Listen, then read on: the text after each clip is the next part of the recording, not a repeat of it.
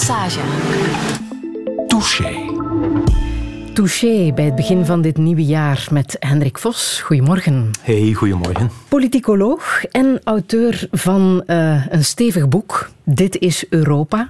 Een boek dat iedereen in 2022 moet lezen, vind ik. Een boek dat heel goede recensies heeft gekregen. Hè? Ik zag uh, vier sterren en een half, terwijl er al een ster op de cover staat op een zeer cruciale plaats. Ja, moet deugd ja. doen, denk ik. Ja, ik ben, ben, heel blij. Ik sta er zelf ook een beetje verwonderd naar te kijken, maar het... Uh, ja, het boek doet het heel goed. En het, is inderdaad heel dik geworden. Hè. Het is meer dan 600 bladzijden, maar er waren ook zoveel verhalen te vertellen. En ik ben, uh, ik ben eraan begonnen en, en beginnen knutselen en bij elkaar harken. En ja, ineens was het, was het dat dikke boek. En ja, ik word er zo blij van dat mensen het graag lezen en dat mensen mij, uh, mij berichtjes sturen dat ze het grappig vinden en zo. Want het gaat over Europa en, en daar hangt zo dat beeld rond van dat is saai en moeilijk en, en uh, stoffig. Maar ja, het, het, het doet het goed. Ja, en het hangt ook al in affiches uh, aan bushokjes in uh, Gent. Heb je die al gezien? Nee, ik heb ze zelf nog niet gezien, maar ik krijg foto's doorgestuurd. dus de, de, de, uitgeverij gelooft er ook blijkbaar heel hard in ja. en, en, maakt er veel uh, promotie rond. En, en, Het is een boek waar ook een podcast bij hoort. Hè? Het ja. Mirakel van Schumann. Vanmorgen is de zesde aflevering gelanceerd. Klopt. Een podcast waarvoor je ja, zowat alle uithoeken van Europa hebt bezocht, samen met onze collega Sven Spijbroek. Ja. Hoe was dat, reizen met Sven Spijbroek? Oh, dat was geweldig. En, en niet alleen met Sven, hè, ook met, met Wederik, de, de regisseur, en, en met nog mensen die, uh, die foto's maakten. En, um, ja, dat, dat is een beetje een zot idee. Van, ik had dat boek dan geschreven, en, of ik was daaraan aan het schrijven, en dat ging over heel veel plekken. En toen ja, was er dat, dat gevoel van, eigenlijk zou dat wel fijn zijn om eens naar die plekken te gaan ook en te kijken hoe dat die erbij liggen, waar dat destijds de geschiedenis van Europa geschreven is. En Radio 1 geloofde daar dan in en uh, ja, voordat ik er zelf goed en wel erg in had, was ik met Sven Spijbroek op pad om uh, ja, overal uh, radio te gaan maken. En, en ja, ja zo'n toffe ervaring. Nu, het is duidelijk dat iedereen jou ondertussen ook kent als de grote specialist van Europa. Maar toch zeg jij over jezelf, ik ben geen eurofiel. Moet je toch even nader verklaren? Ja, omdat ik geloof er zijn heel veel Europese beslissingen waar ik mij helemaal niet in kan vinden. Mensen denken dat, dat ik alle Europese beslissingen verdedig en, en dat ik alles wat de Europese Unie doet ook geweldig en fantastisch vind. Maar dat is niet zo. Ik vind heel veel beslissingen ja, als ik ze zelf zou mogen nemen, zouden ze er helemaal anders uitzien. Maar ik snap wel waarom ze genomen worden. En dat probeer ik uit te leggen. Uh, want je zit met, ja, met heel veel verschillende meningen en ideeën in Europa. Er is zoveel diversiteit, er zijn zoveel, ja, zoveel conflicten ook. En als je dan iedereen wil gehoord hebben en iedereen daarbij wil betrekken, ja, dan...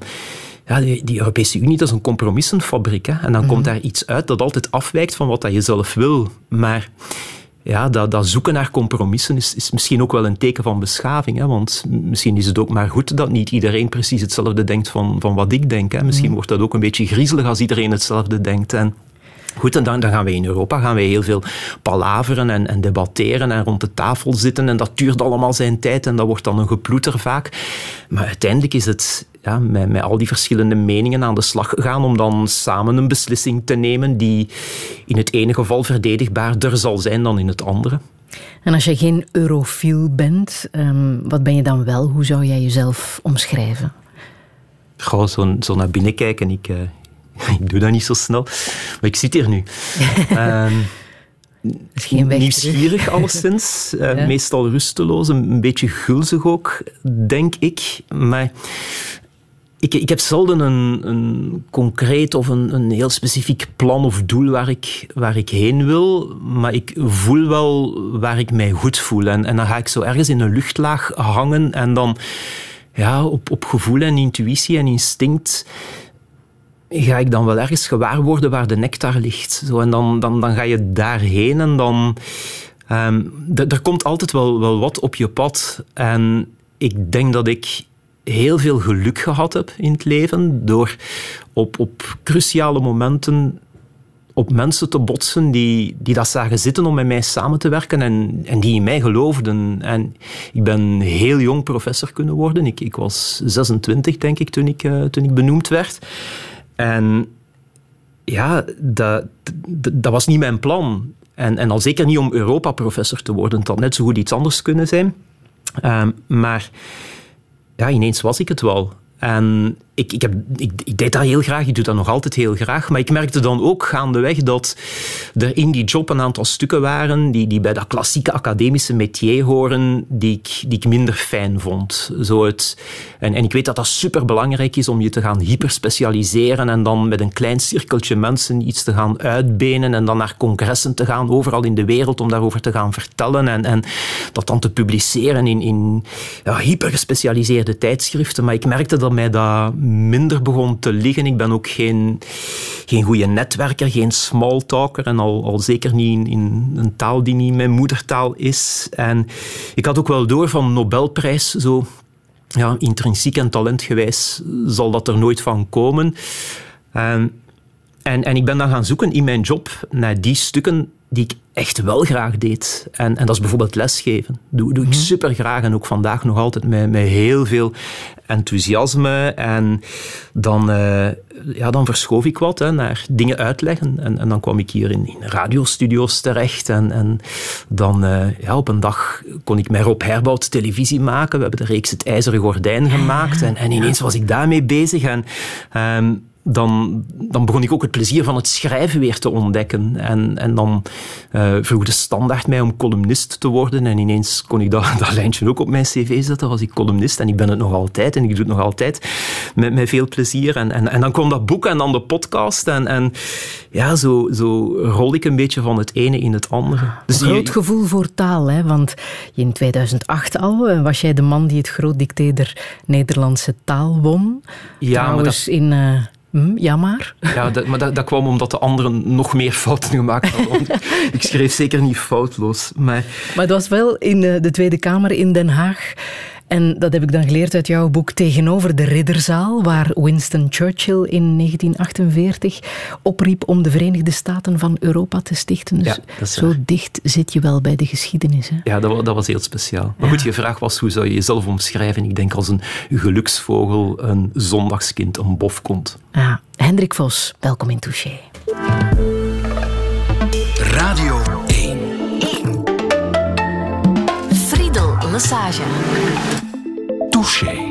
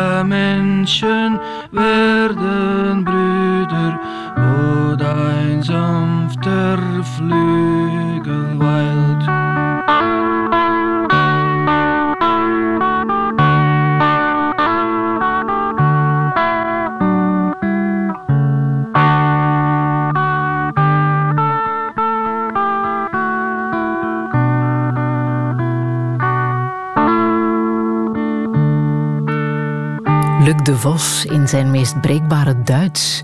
Met uh, Ode aan die Freude, uh, samen met Gorky natuurlijk. De Beethoven-compositie die ook te horen is in uh, de podcast Het Mirakel van Schumann, het verhaal van de Europese Unie. Mooi hè, om hem dit te horen zingen. Ja, en met die elektrische gitaar zo'n beetje door Beethoven tokkelen. Dat is denk, denk je dat hij er iets mee had met Europa, Luc de Vos? Ja, het was een iemand die heel open en, en onbevangen naar de wereld keek. Hè? En ja, dan, dan ik heb hem nooit gesproken. Ik, ik, ik weet dat, dat zijn dood mij enorm aangreep. Um, ik herinner mij in, in, in, Gent toen ik, ik was gaan fietsen die middag en, en ik kwam terug van de fietsen en, en ik zag dat, dat er een straat was afgesloten en er was politie en, en er stonden ziekenwagen en zo. Dus ik, ik reed daar voorbij en um, toen ik dan een paar uur later hoorde wat, wat er gebeurd was met hem, dan, dan vond ik dat heel, heel aangrijpend. Um, want ja, het is, het is een muzikant, hè. En muzikanten die, die hebben zoiets, die kunnen mensen raken op een manier dat je ja, van, vanuit, dat je op een andere manier niet kan. Zo iedereen op eenzelfde moment doen trillen.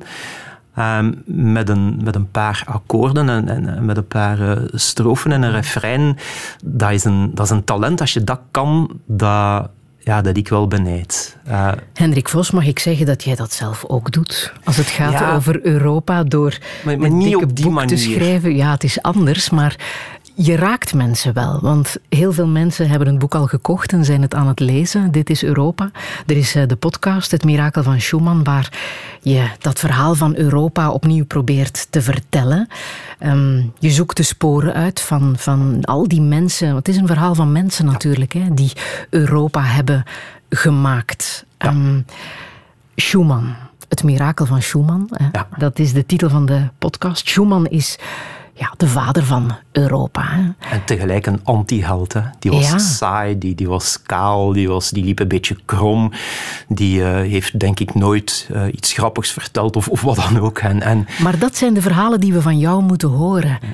Wij kennen die verhalen niet. Hoe komt dat? Ja, omdat die, die Europese integratie, die Europese politiek, dat is zoiets wat een beetje als stoemelings gegaan is. Hè. Het, is begonnen met kolen en staal, daar, daar werd niemand opgewonden van. Dat, was... Um, ja, en, en, en dan begonnen landen samen te werken en van het ene kwam het andere. En ja, ineens, uh, voordat je er goed en wel erg in hebt, zit je in die Europese Unie van vandaag en betaal je met dezelfde munt. En, en is er van alles gebeurd en is het van de ene crisis naar de andere gegaan. En is er altijd dat gevoel geweest van, uh, goh, nu staat het echt op instorten. Maar uiteindelijk stond er dan toch altijd zoveel op het spel. En waren er ook altijd genoeg mensen die beslisten van, we gaan daar toch iets van proberen te blijven maken. Um, al is het maar om te vermijden dat we weer oorlog gaan maken met elkaar. Mm -hmm. En en, en ja, zo, zo komt dat project dan, dan in beweging. En er zijn heel veel verhalen en heel veel anekdotes die ik zelf ook niet kende. Want waar ben je die allemaal gaan sprokkelen? Hoe ben je die allemaal te weten gekomen? Ah, dat, dat was de eerste lockdown, Friedel. uh, nee, ik... Biografieën lezen, ja, ja, ja, dagboeken. Ja. oude kranten verzamelen, oude filmpjes kijken. Nu, ik, ik kende die geschiedenis van die, van die Europese politiek natuurlijk al, al lang, omdat ik daar les over geef en, en daar al, al vele jaren over vertel. Um, maar heel vaak wordt dat verhaal verteld als, als zo een rechte lijn. Zo van, je, je bent ooit begonnen met kolen en staal en het kon alleen maar gaan naar wat het nu geworden is. En ik ben dan in die, die verhalen gaan duiken en die vertelsels en, en gaan lezen wat, wat de mensen die het gemaakt hebben geschreven hebben en gezegd hebben en hoe dat die zich gedroegen en hoe dat die gekleed waren en hoe dat die uh, met elkaar het wel of niet konden vinden en of dat die ruzie maakten of elkaar niet konden uitstaan of, of eigenlijk al die, die persoonlijke relaties er ook gaan bijhalen. En, dan, die hebben ook mee bepaald wat het is geworden. Die hebben mee bepaald. Die, die hebben niet alles bepaald, maar die hebben wel mee bepaald wat het geworden is. Heel zeker, ja. absoluut. Ook de karakters, ook de gevoeligheden. Ja, de, ook de perceptie van de mensen.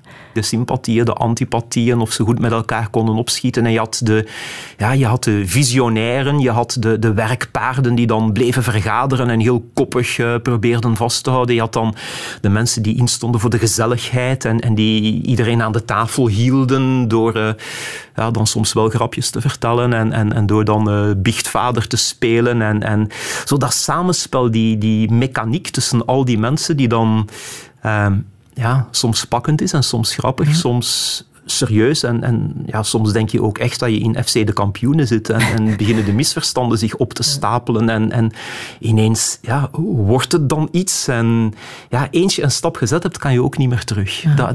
Is en is er nu één figuur die jou heeft verbaasd in jouw onderzoek? Een figuur die je niet goed kende, die misschien uh, toch een en ander heeft blootgelegd voor jou? Er zijn er zoveel eigenlijk. Mhm. want, ze bleken dan allemaal toch wel kantjes te hebben die, die hen dan weer sympathiek maakten. Zo zelfs de meest arrogante knul, die, die, die, die had dan toch ergens een, een, een idee. Zo de, Jozef Luns bijvoorbeeld, de Nederlandse minister van Buitenlandse Zaken. Of uh, Charles de Gaulle, die, uh, die, die, die in al zijn onhebbelijkheden uh, dan, dan, dan toch op bepaalde momenten ook echt wel ja, een, een, een soort sympathie had. En, en, en Duitse kanseliers. Uh, en, en Luxemburgers ook. Hè. Joseph Bech, de, de Luxemburgse minister van Buitenlandse Zaken, die... Uh, ja, die, die vaak wat het cement was en die, die als, in de jaren 50 als ongevaarlijk werd beschouwd. Want hij kwam uit het beetje nietige Luxemburg, maar die ja, door zijn, uh, ja, door zijn, zijn gezelligheid erin slaagde om een, een, soort lijm te zijn en die die, die, ook wel, eens het verhaal vertelde van de invoering van de zomertijd in Luxemburg. En in Luxemburg was, was op een bepaald moment beslist om de zomertijd in te voeren, maar er was één dorp dat weigerde om mee te doen. Dat, dat zei van met die uh, zottigheid en, en die uh, moderniteit doen wij niet mee, wij, wij blijven uh, in de gewone tijd. En, en Bech, die premier was, minister van Buitenlandse Zaken en minister van Wijnbouw, die, die gaat naar dat dorp en, en die probeert in de gemeenteraad dat uit te leggen. Die, die gemeenteraad wil niet bougeren. Ontbiedt de burgemeester, die wil ook niet mee. En dan komt de pastoor van het dorp bij Bech en die zegt van geef mij, geef mij even tijd. Uh, en Bech keert terug naar Luxemburg en twee weken later staat die pastoor bij Bech in Luxemburg en hij zegt van het is in orde, we zitten ook in de zomertijd. Waarop Bech vraagt van hoe, heb je dat gedaan? En die pastoor zei van ik heb de dag nadat je vertrokken bent mijn kerkklok vijf minuten vooruitgezet. Maar niemand had dat in de gaten. En de dag nadien heb ik die weer vijf minuten vooruitgezet. En er waren een paar mensen die zeiden van mijn horloge loopt wat maar, maar niemand had het in de gaten. En intussen ben ik zoveel opgeschoven dat we het uur uh, gezet hebben. Dat is het verhaal van Europa. Ja, en zo zit het vol. Hè? Ja, er zijn heel veel straffe, zelfs hilarische verhalen. Natuurlijk ook heel aangrijpende, intrieste uh, verhalen. Maar toch um, staan al die verhalen niet in verhouding met het saaie imago hè, van Europa. Wij vinden het bureaucratisch, duur, zinloos. Ja. Zijn wij dan zo fout? Ja, het zijn, zijn, ideeën die heel hardnekkig zijn. Hè. Zeker, van, van, dat is een geldverslindend monster. Dat, ja, is, is een van die ideeën die, die leeft. Mhm. Ik heb dat eens uitgerekend. Uh, de, je, je, kent de Tax Liberation Day. Hè. Dat is zo het moment waarop dat je... Uh, niet meer voor de belastingen aan het werken bent, maar voor jezelf begint te werken. En in de meeste landen, ook in België, valt dat ergens in de loop van de zomer. Tot de zomer zou je kunnen zeggen, werk je mhm. voor de staat, voor de belastingen. En dan vanaf ergens augustus begin je voor jezelf te werken. Als je de Tax Liberation Day voor de Europese Unie gaat berekenen, dan valt die op 3 januari kort na de middag. Uh, dus de, de, Europese Unie werkt met een budget dat een pak kleiner is dan bijvoorbeeld de overheidsuitgaven in België. Um, zelfs een landje als Denemarken geeft jaarlijks meer uit dan de hele Europese Unie. Maar goed, dat ik weet dat, dat, dat, mensen zeggen van, maar dat, dat kan toch niet? Mm dat beeld van ja, bureaucratisch. Bureaucratisch klopt natuurlijk voor een stuk, maar, maar dat beeld ook van geldverslindend monster, dat, dat, dat, is niet zo. En is het zinvol? Want nu bijvoorbeeld bij de gezondheidscrisis gingen de grenzen voor het eerst terug dicht. Ja. Dat is ook een beetje vreemd, hè? Ja, ja, ja. ja. Heeft Europa iets kunnen doen in deze gezondheidscrisis? Um, aarzelend. En dan uiteindelijk denk ik dat er wel de beslissing die genomen is om dan samen vaccins aan te kopen. Probeer je voor te stellen dat we elk apart naar die vaccinfabrieken zouden moeten stappen en zouden moeten gaan onderhandelen we zouden in elk geval veel meer tegen elkaar uitgespeeld worden. We zouden meer betalen en, en zeker kleinere landen zouden zich veel moeilijker kunnen, kunnen handhaven in zo'n strijd. Hè. Van mhm. uiteindelijk zijn wij ook maar een verzameling kleine landjes, hè, of relatief kleine landjes in Europa. En als die allemaal tegen elkaar beginnen te werken, dan... Uh, ja, dan hol je achter de feiten aan. Maar tegelijk hebben die landen niet zo snel de neiging om ja, hun soevereiniteit en autonomie op te geven. Dus de, eerste reflectie is altijd van, we doen het zelf wel en we, pakken het zelf wel aan. Zoals bij het begin van de pandemie iedereen ook wc-papier ging hamsteren vanuit het idee van, dan, dan ben ik in elk geval wel veilig. En dan komt toch dat moment waarop dat je beseft van elk apart, dan... Uh, ja, laten we ons door de feiten voorbij hollen en, en het zal toch wel een stukje efficiënter zijn als we het samen proberen.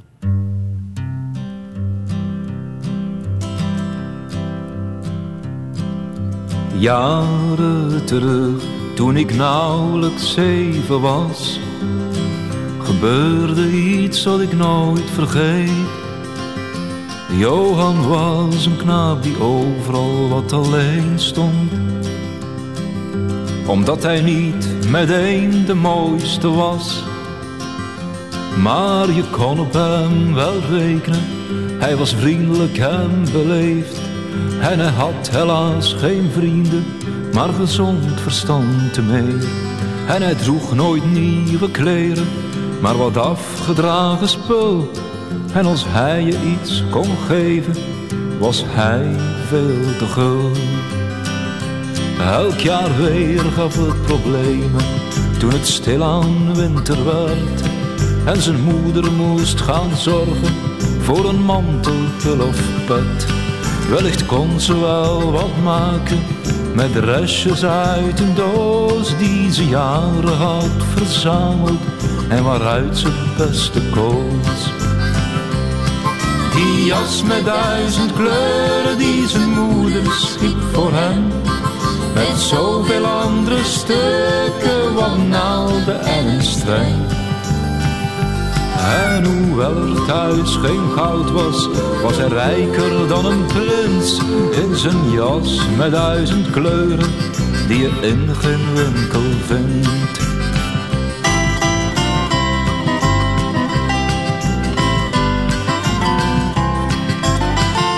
En met lappen op zijn knieën gaten in zijn zool. En zijn jas met duizend kleuren kwam hij morgens vier naar school. Maar het enige dat ze deden was wat spotten met die vest. Van die jas met duizend kleuren werd hij nog flink gepest. En hij snapte er zelfs niets van, want hij voelde zich zo rijk. Hij verdedigde zijn moeder, al dat werk en al die tijd. Hij vertelde met veel liefde hoe ze alles voor hem deed. En die jas met duizend kleuren was meer waard dan een feest. Maar niemand wou begrijpen en hij voegde eraan toe. De rijkste van u allen weet niet hoe ik me voel. En hoewel er thuis geen goud is, ben ik rijker dan een prins. In mijn jas met duizend kleuren is er niets meer dat ik mis. In mijn jas met duizend kleuren is er niets meer, nee. Is er niets meer dat ik mis. Erik van Nijgen met zijn versie van een nummer van Dolly Parton. Cover, het is een cover van uh, The Coat of Many Colors. Dit heeft hij ervan gemaakt in de jaren tachtig, Hendrik Vos. Het is een nummer dat jij hier uh, zit mee te zingen zelfs in de studio. Je kent de tekst. Ja, ja, ja. Ik, ja de context, ik was een, eh, ik denk een jaar of twaalf, dertien. En um, oh, ik had met mijn dromerige en romantische en, en, veel te dramatische tienerhart. Een, uh, een klein briefje waar ik uh, een paar nummers op gekrabbeld had uh, onder de titel Nummers voor op mijn begrafenis. Um, en, en dit stond erop. Um, nu, gelukkig heeft niemand dat briefje ooit gevonden. Maar je, wij, wij, hadden thuis een, een, een, kleine krakende radio die, die niet zo vaak opstond. Er was niet zoveel muziek bij, bij ons thuis. Uh, maar wij hadden er op school uh, eentje gemaakt in het, uh, in het middelbaar. Ik, ik heb VSO gevolgd, het vernieuwd secundair onderwijs. Dat systeem heeft maar een paar jaar bestaan, maar ik vond dat geweldig. Mm -hmm. wij, wij hadden in dat eerste jaar, middelbaar, hadden wij een beetje Latijn, zelfs een beetje Grieks. Wij, wij hadden uh, uh, wiskunde uiteraard en geschiedenis en Nederlands, maar ook uh, natuurexploratie en streekexploratie. Ik volgde dactylo en Enfin, allerlei vakken, ook technologische opvoeding. En in technologische opvoeding hadden wij een radiootje gemaakt dat zelfs werkte. Uh, met, een, met een klein oortje. Je kon alleen naar Radio 2 luisteren. Dat, dat had toen nog een andere naam. Maar, uh, en, en daar speelde dat, dat nummer uh, wel eens op. Maar ik vond dat een fantastisch systeem, dat vernieuwd secundair onderwijs. Waarbij dat je van alles wat kon proeven. En ik weet dat ja, heel veel pedagogen vandaag zeggen van dat, dat, dat dat niet goed is. Dat als iemand talent heeft voor Latijn en Grieks, moet hij vooral Latijn en Grieks doen. En dat de bolle bozen moeten hun hersencellen niet gebruiken om, om, om te gaan sporten of, of met tekenen of, of met muziek bezig te zijn. Maar ik vond dat prachtig om, om ja, een beetje van, van alle werelden te, te proeven. En, en zeker mhm. in dat, in dat prille middelbaar, om, om ja, heel veel indrukken op te doen. En op die manier, met mijn eigen zelfgemaakte radiootje, ben ik op uh, ja, mijn eerste muzieknummers uh, gebotst. Waarvan ik dan meteen zei van, dat is een nummer voor op mijn begrafenis. Maar herkende je je dan ook in dat jongetje met die jas met duizend kleuren? Ja, ik denk, ik denk het wel. Hè. Um, ik, ik kom uit een, uit een heel um, eenvoudig gezin. Ehm, mijn, mijn, moeder werkte niet, die, of die werkte wel, die, die zorgde voor ons en die, die voedde ons op. Uh, mijn vader die heeft een tijdje voor een papierfabriek gewerkt, die werd dan werkloos. Hij is dan in een uh, beschermde werkplaats terechtgekomen.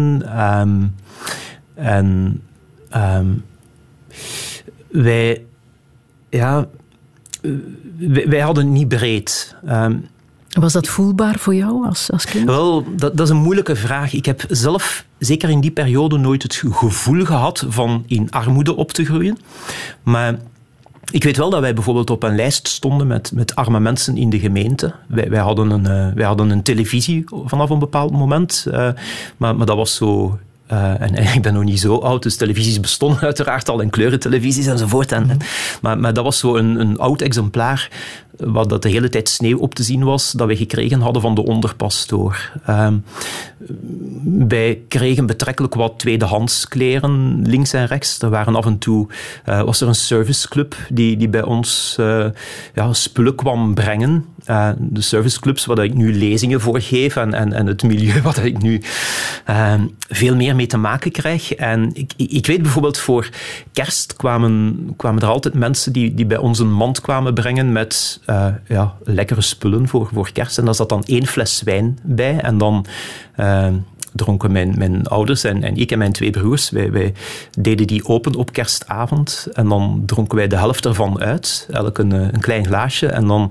zetten we de dop daar weer op. En dan ging die in de koelkast. En dan de week nadien, op oudjaarsavond, haalden we die weer boven. Dan dronken we de tweede helft van de, van de fles uit. Um, en dat was eigenlijk de enige, de enige fles wijn die, die wij dronken. Maar um, als ik niet het. Ik ben ook nooit op sneeuwklassen kunnen gaan en, en eh, grote reizen maakten wij ook niet. Ik ben, met mijn ouders nooit in het buitenland geweest. De, de verste trip die wij ooit maakten, dat was na, na heel lang sparen zijn we eens naar de Efteling geweest, waar uh, holle bolle gijs honger bleek te hebben.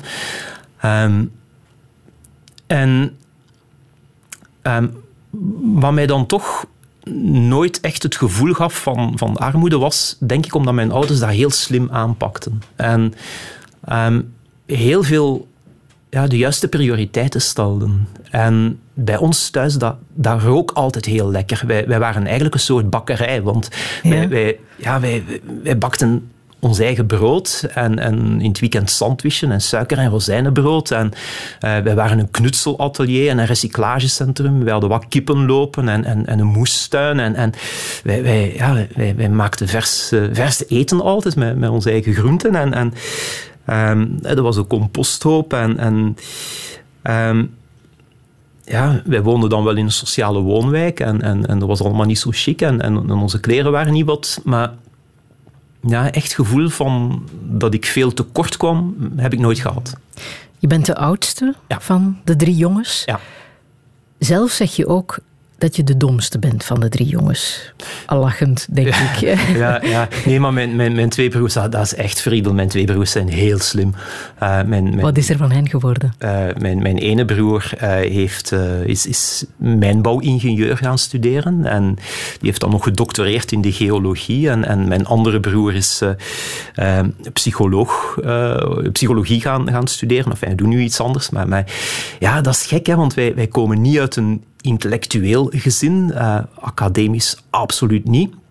Maar ja, wij, wij deden dat op school wel, wel heel goed. In het ah. dorpsschooltje in, in, in Puurs ja, waren wij zonder problemen, ja, maalden wij daardoor. En, en, en hoe was dat voor, voor je ouders, om te zien dat jullie het zo, zo goed deden? Ja, ik denk dat die daar met een beetje verbazing zo, of, of, of soms wat onwennig, maar, maar toch, ja, ja dat, dat, dat was gewoon zo. En um, dan, dat, dat, dat, was dan ook vanzelfsprekend. Van, wij maakten zelden fouten. Zodat, ja, ik herinner mij niet dat ik, dat ik veel onder de 100% gezakt ben in, ah. in bij, bij toetsen. Uh, en ook mijn, mijn twee broers niet. Ik denk niet dat wij ooit op de universiteit of, of daarvoor, of dat wij één keer ergens een buis gehad hebben of zo. Dus wij, hebben altijd mooie lange zomers gehad waar wij konden fietsen en in bomen klimmen en zo. Want wij, wij hadden nooit, ja, nooit, nooit herexamens. Dus dat, dat studeren dat ging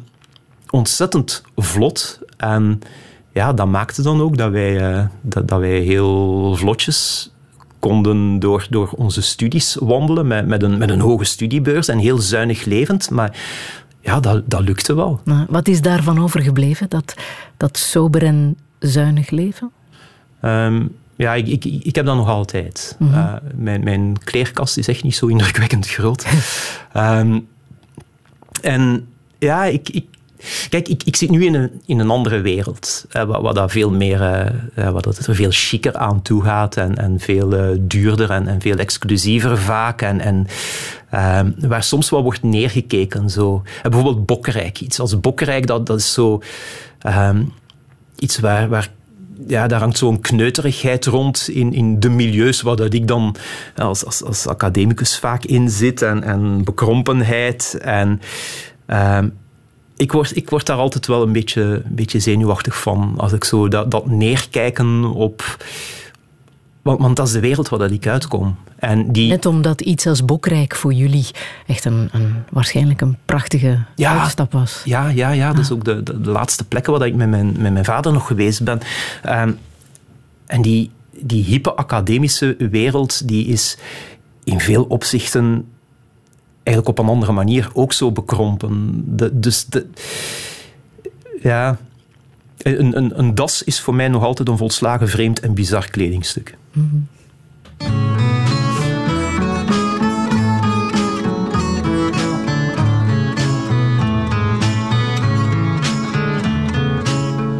Avec ma gueule de métèque, de juif errant, de pâtre grec, et mes cheveux aux quatre vents. Avec mes yeux tout délavés, qui me donnent l'air de rêver, moi qui ne rêve plus souvent. Avec mes mains de maraudeurs, de musiciens et de rôdeurs qui ont pillé tant de jardins. Avec ma bouche qui a bu, qui a embrassé, mordu, sans jamais assouvir sa faim avec ma gueule de métèque, de juif errant, de pâtre grec, de voleur et de vagabond. Avec ma peau qui s'est frottée au soleil de tous les étés et tous ceux qui portaient jupons. Avec mon cœur qui a su faire souffrir autant qu'il a souffert sans pour cela faire d'histoire avec mon âme qui n'a plus la moindre chance de salut pour éviter le purgatoire. Avec ma gueule de métèque, de juif errant, de pâtre grec et mes cheveux aux quatre vents. Je viendrai, ma douce captive, mon âme sœur, ma source vive, je viendrai boire tes vingt ans. Et je serai prince de sang rêveur ou bien adolescent comme il te plaira de choisir. Et nous ferons de chaque jour toute une éternité d'amour que nous vivrons à en mourir. Et nous ferons de chaque jour toute une éternité d'amour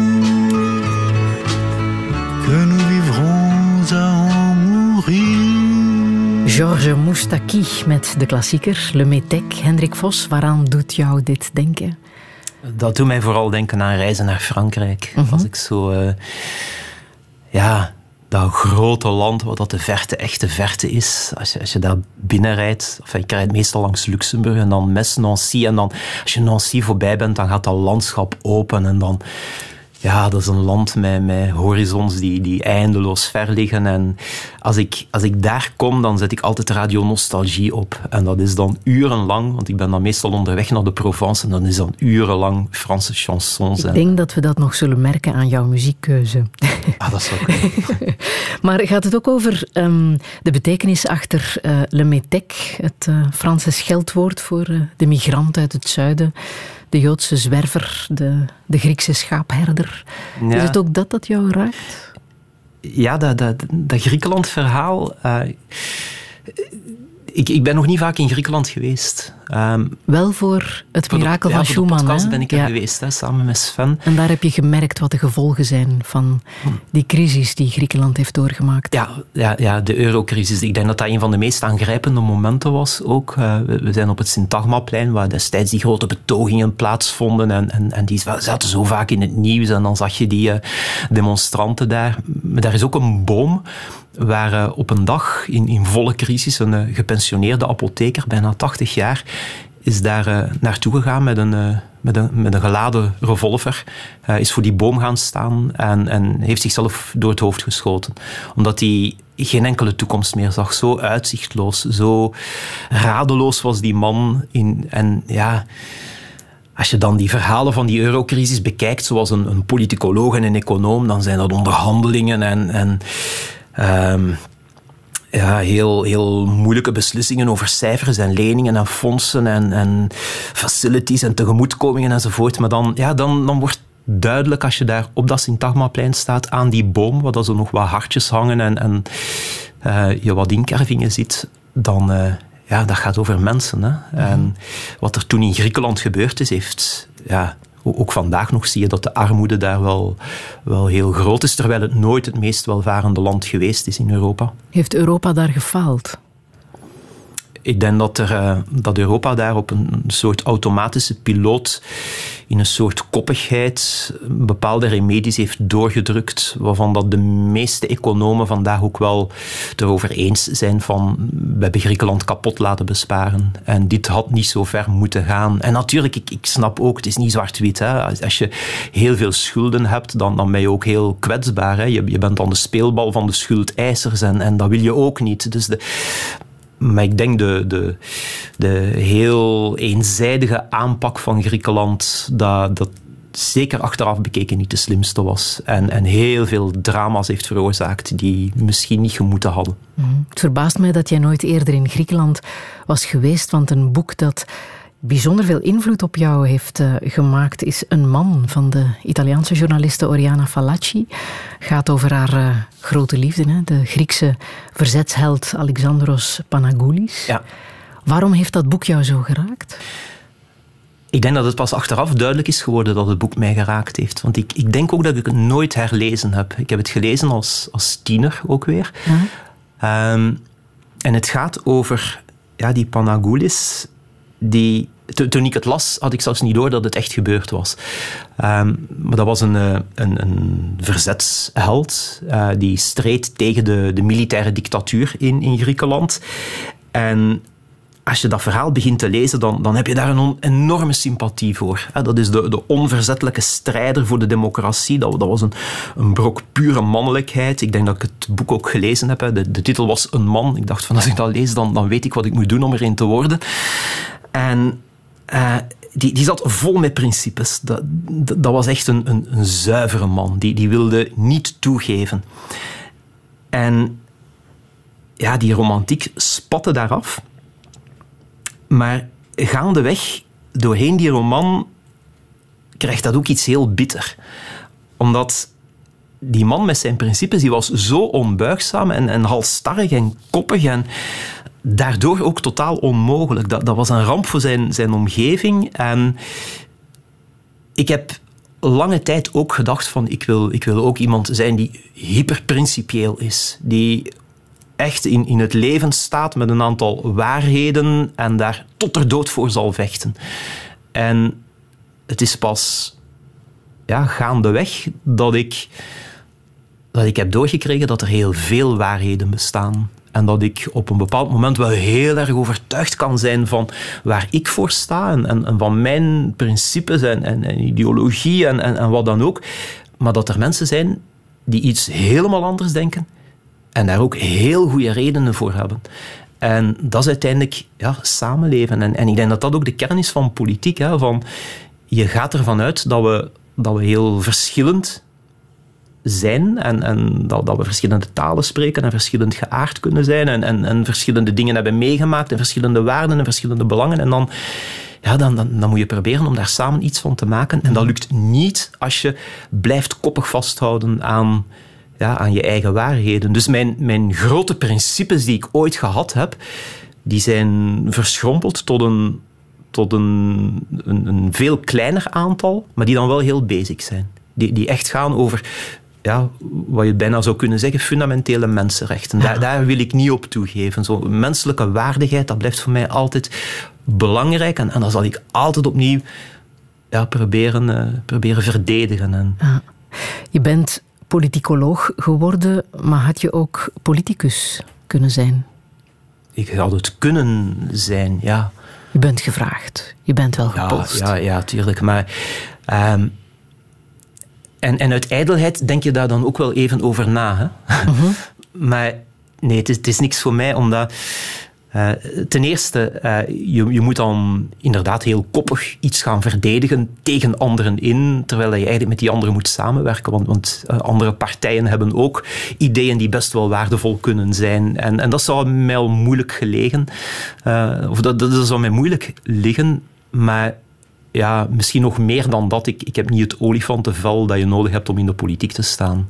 Als ik uh, ergens dan, dan straffe dingen over zeg en ik, ik krijg dan uh, in mijn mailbox een hoop slijk en modder over mij, dan, uh, ja, dan, dan, dan ben ik daar echt niet goed van. Dan, dan moet ik in de zetel gaan zitten onder een dekentje om, om daar even van te mhm. bekomen. Dus ik, ik, ik ben niet geschikt om in de politiek te gaan. Voel je je nuttiger, veiliger misschien als professor voor jouw studenten? Is dat de ehm, plek waar je thuis hoort? Ja? ja, ja, ja, ja, absoluut. Ah. Ja, in plaats van uh, aan uh, onderhandelingstafels en, en, in verkiezingscampagnes, dat, dat lijkt me de gruwel om dat te moeten doen. Heb je ehm, daar een voorbeeld?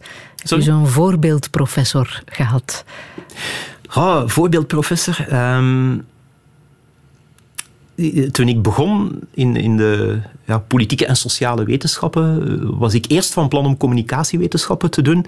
Maar de politicoloog toen was, was Helmoet Gauss. En dat was iemand die mij, die mij eigenlijk echt naar die politieke wetenschap heeft getrokken. De manier waarop hij kon vertellen ook weer. Hè. Ook hij had, ja, dat was zo iemand die heel veel verhalen had. En je had ook niet echt het gevoel dat je in een les zat. Hij, vertelde. Ehm, en ik merk dat, dat dat eigenlijk ook mijn stijl is van lesgeven. Ik gebruik ook geen PowerPoints bijvoorbeeld. Uh, en ik denk dat ik een van de weinige proffen ben die, dat, uh, die, die zonder PowerPoints lesgeeft. Omdat ik wil in zo'n auditorium ja, de sfeer ook voelen van hoe kijken die studenten, hoe, hoe um, wanneer knikken ze, wanneer lachen ze, wanneer zijn ze mee, wanneer kijken ze verbaasd. En, en uh, ik wil de anekdote vertellen omdat het er het geschikte moment voor is. Dat lukt toch ook alleen maar als je eenvoudige en heldere taal gebruikt, toegankelijke verhalen vertelt. Dat is wat jij doet. Uh, ja, dat probeer ik wel. Ik denk, dat altijd een beetje in mijn hoofd heeft gezeten van uh, ja, ik wil een verhaal vertellen niet omdat die toevallig op de volgende PowerPoint staat, maar omdat het op dat moment in mij opkomt en ik wil het ook zo vertellen dat iedereen het kan snappen, dat iedereen het begrijpt. Ik, ik heb dat ook, ik, ik moet daarvoor opletten, hè, want straks zijn het weer examens en als ik een examenvraag stel en de student kan daar niet op antwoorden, dan ja, ik, ik, ik heb een beetje te veel de neiging om dat op mezelf te trekken van verdorie, Hendrik, ik heb het niet goed uitgelegd. En, en, en, en, dat is natuurlijk ook overdreven. Maar, maar ik probeer het wel altijd uh, te vertellen ja, zodat, zodat iedereen, ook, ook uit, uit de kringen en uit de omgeving waar ik ben opgegroeid, zou moeten beseffen waarover dat het gaat. Ja, en, maar wordt er nodeloos te ingewikkeld gesproken op universiteiten, denk je? Uh, niet alleen op universiteiten, maar zeker ook op universiteiten. Um, als, als je in, in, ergens in een bos aan het, of, of op een andere plek aan het lopen bent met je lief, en je lief zegt tegen jou, ik hou van jou, En jij antwoordt, er wordt door mij ook van jou gehouden. Wel, dat is de manier waarop dat heel veel, ook studenten, hè, als, als ze voor Tunif iets moeten schrijven, dan, dan schieten zij in een soort kramp en hebben het gevoel van ik moet dat nu volstouwen met veel te ingewikkelde constructies en passief en, en heel indirect gaan praten. En, en dat, is, dat, dat is zo niet nodig. Je houdt van kinderboeken, hè? Ja. Ik begin te begrijpen hoe het komt. Ja, ik haal daar heel veel inspiratie uit. Ja, ik koop ja. minstens evenveel kinderboeken als, als eh, grote mensenboeken. Ja, zeker en vast.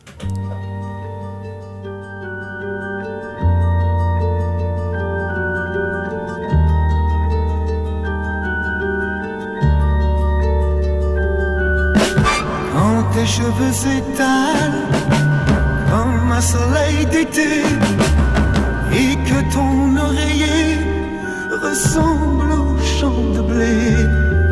Quand l'ombre et la lumière dessinent sur ton corps des montagnes, des forêts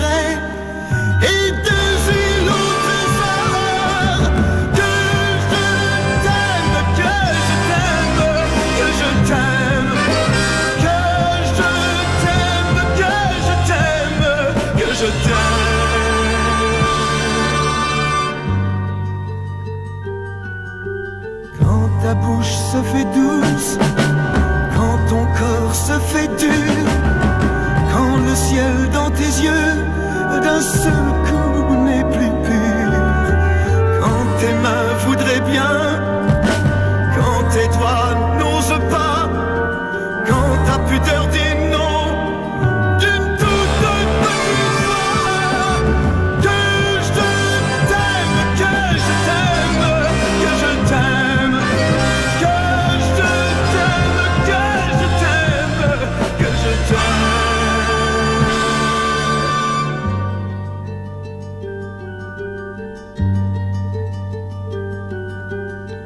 Tu ne te sens plus chatte et que tu deviens chienne.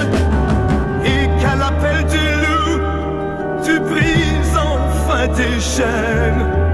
Quand ton premier soupir se finit dans un cri, quand c'est moi qui dis non,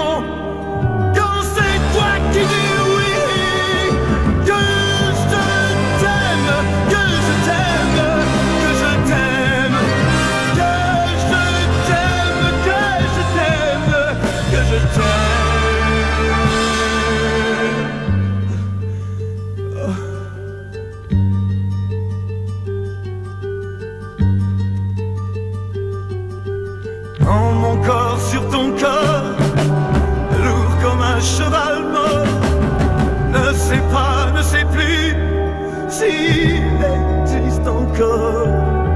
Quand on a fait l'amour, quand d'autres font la guerre, quand c'est moi le soldat qui meurt et qui la perd, que je t'aime, que je t'aime, que je t'aime, que je t'aime, que je t'aime, que je t'aime.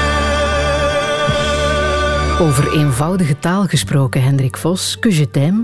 Meer moet dat niet zijn, hè? Van Zo, eh, bom- zo bombastisch, maar zo schoon, zo schoon. Johnny Holiday. Wat heb jij met de man? Beken.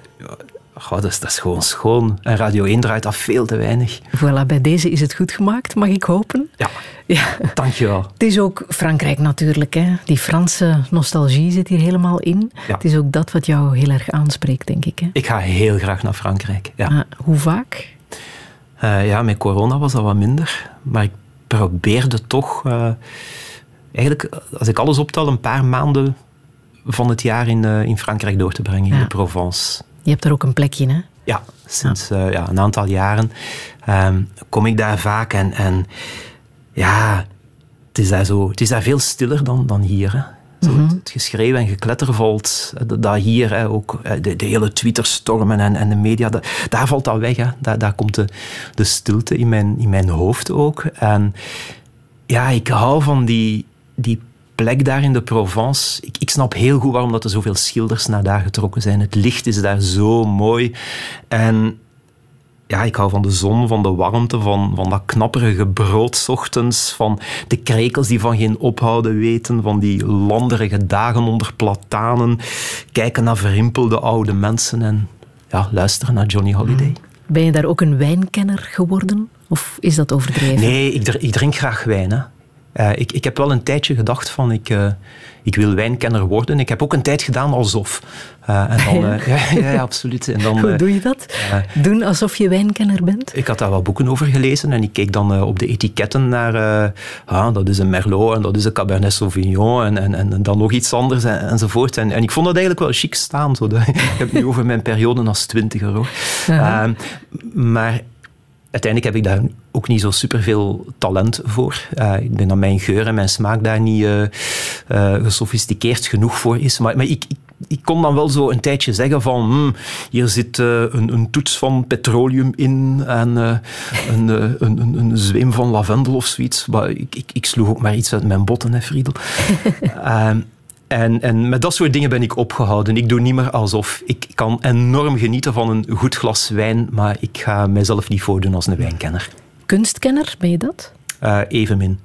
Uh, maar ik kan ook wel, uh, kunst kan mij mietscheeps raken. Hè. Misschien Panamarenko, als, als, als ik dan mm -hmm. iets moet, moet oppikken, zo dat, dat dromen, die verbeelding dat daarin zit.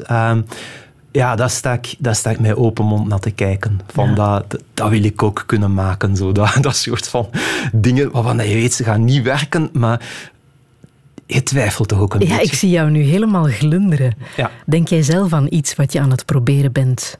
Proberen te vliegen, waarvan je weet, dit gaat nooit lukken, maar ik vind het gewoon fascinerend om ermee bezig te zijn. Ja, maar dat, dat, dat ik eigenlijk al heel mijn leven. Zo van, ik, ik geloof nooit, als ik ergens een idee opwerp, dan denk ik van, bon, we zien wel. Ja. En ja, ik, ik heb het geluk dat veel van de ideeën die ik heb opgewerp, opgeworpen, dat, die, ja, dat ik ze heb kunnen uitvoeren. Ja. Um, Filmkenner, ben je dat?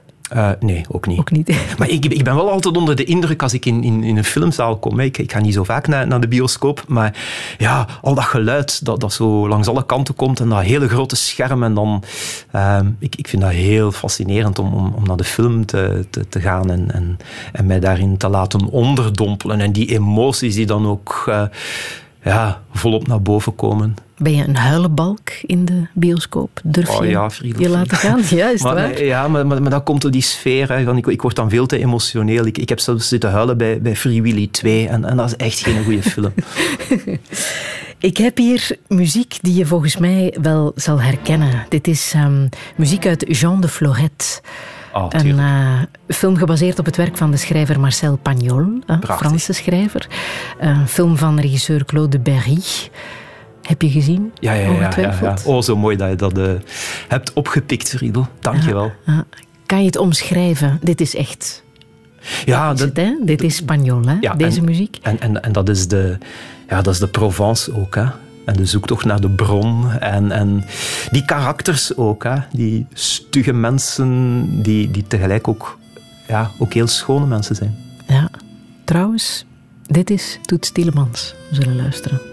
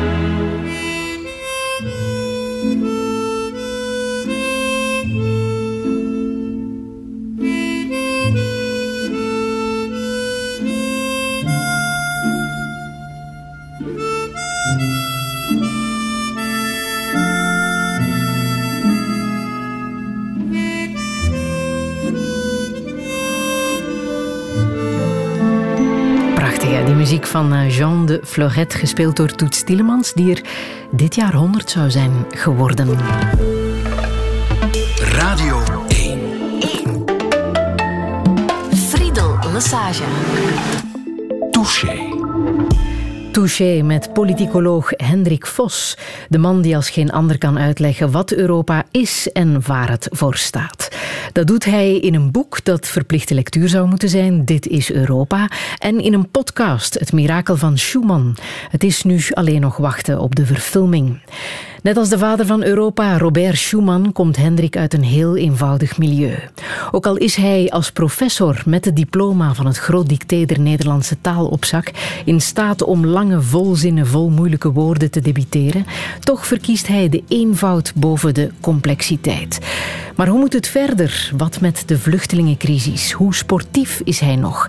En wat zijn zijn goede voornemens? Dit is Touché met Hendrik Vos. Een goede middag. Ground control to Major Tom. Ground control to Major Tom. Take your protein pills and put your helmet on. Ground control to Major Tom. Seven. Commencing countdown engines on. Three, two, check ignition and may God's love be with you.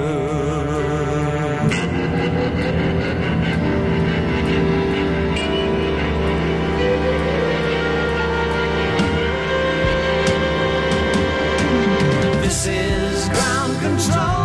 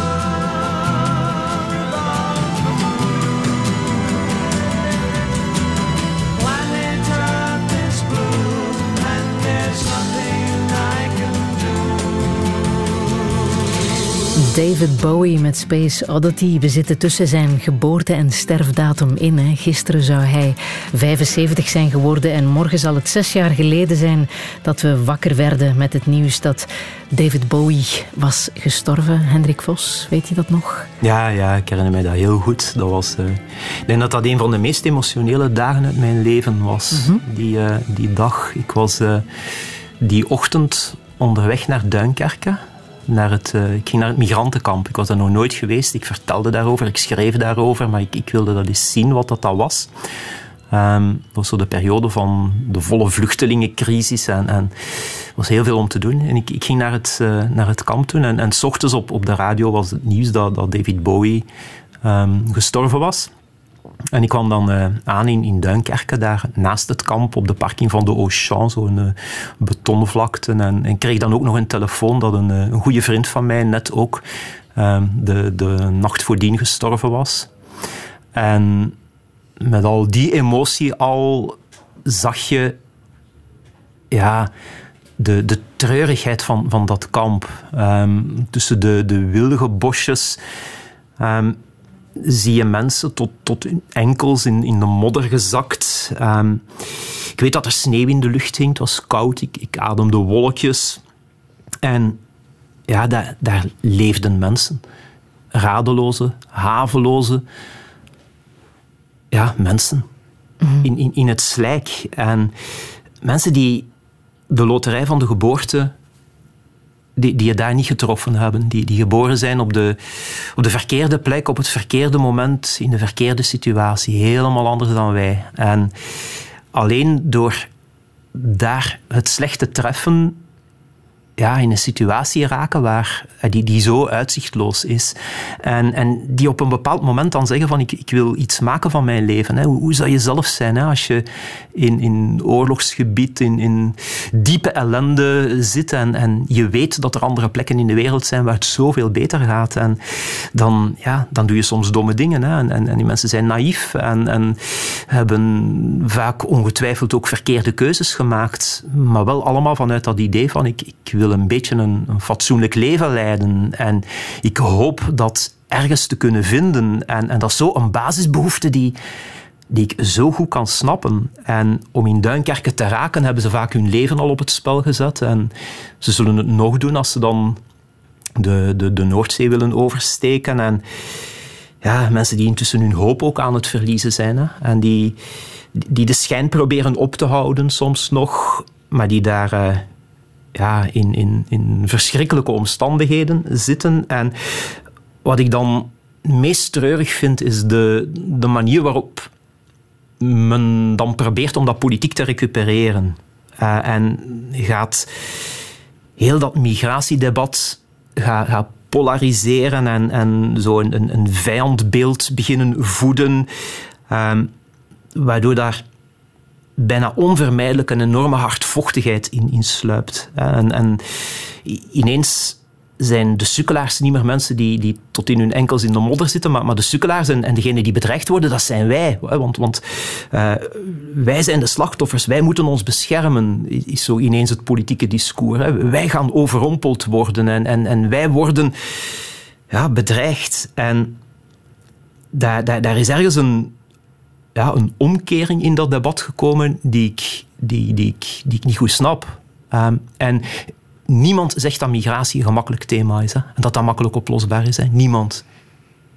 Ik, ik, denk dat dat een van de moeilijkste thema's is waar, dat we vandaag en ongetwijfeld ook de komende decennia nog mee zullen worstelen. Maar de, de basis blijft toch altijd wel dat dat, dat dat gewoon mensen zijn die op zoek zijn naar een beetje een menswaardig leven en dat, dat, is heel goed te begrijpen. En, en, hoe komt dat, dat dat verhaal niet wordt ondersteund? Dat iedereen toch het recht heeft op een, op een goed leven? Dat die mensen moeten geholpen worden? Ja, ik, ik denk dat, dat in essentie iedereen daarover eens is. En wat dan gebeurt om, ja, om toch nog met jezelf in het terrein te blijven en jezelf in de spiegel te kunnen kijken, dat is door, door die mensen te ontmenselijken. En niet meer te doen alsof dat, dat mensen zijn. Maar ja, dat af te schilderen als een bedreiging die je moet, moet, moet zien uh, uh, buiten te houden en, en die je dus noods naar een kamp in Libië moet laten sturen waar ze als slaven kunnen verkocht worden voor de prijs van een iPhone of waar ze verkracht of, of vernederd of, of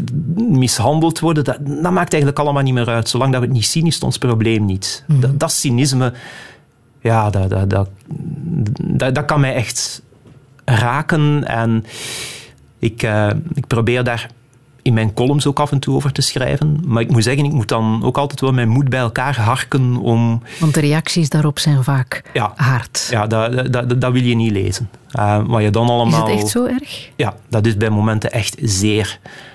Ja, ja, ik, en, en dat en, komt hard binnen bij jou? Ja, ja dan uh, valt mijn binnenkant in duizend stukjes. Oh. Ja. Die bewuste dag toen David Bowie was gestorven en jij daar in Duinkerken was en ook telefoon kreeg dat jouw vriend was gestorven. Hoe heb jij die dag doorgemaakt? Uh, heel stilletjes. Kijk, ik heb daar rondgelopen. Het was, ja, het was een winterdag, hè, dus het was niet zo heel lang licht.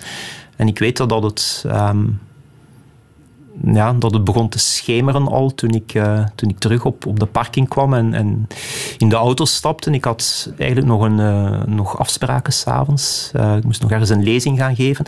Maar ik voelde van dat, dat, dat, dat gaat niet, niet meer lukken. En ik ben dan nog tot Veurne gereden. en, en daar heb ik mij in een in een café op de markt gezet, denk ik. Ik heb mijn afspraken afgebeld en ben daar wat beginnen schrijven. Tot het uh, helemaal donker was. En dan ik denk dat ik pas tegen middernacht thuis was. Hoe bijzonder was die vriend voor jou? Uh, ja, dat was, dat, dat, was iemand die, die een heel pak ouder was dan ik.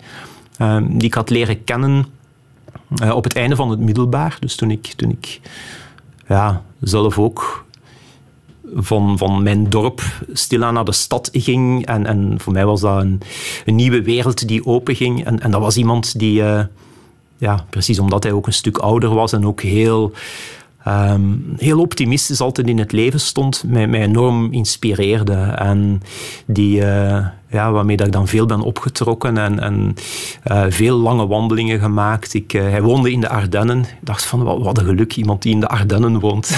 en ik woonde in Puurs.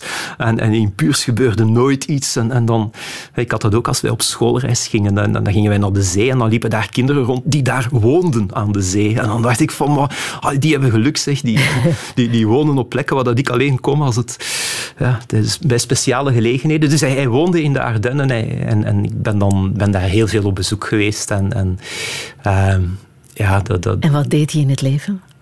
Uh, toen ik hem leerde kennen was hij al gepensioneerd. Hij had bij de, bij de telefoon gewerkt. Hij moest uh, slechte betalers uh, gaan opzoeken en, en proberen te overhalen om toch de telefoonrekening te betalen.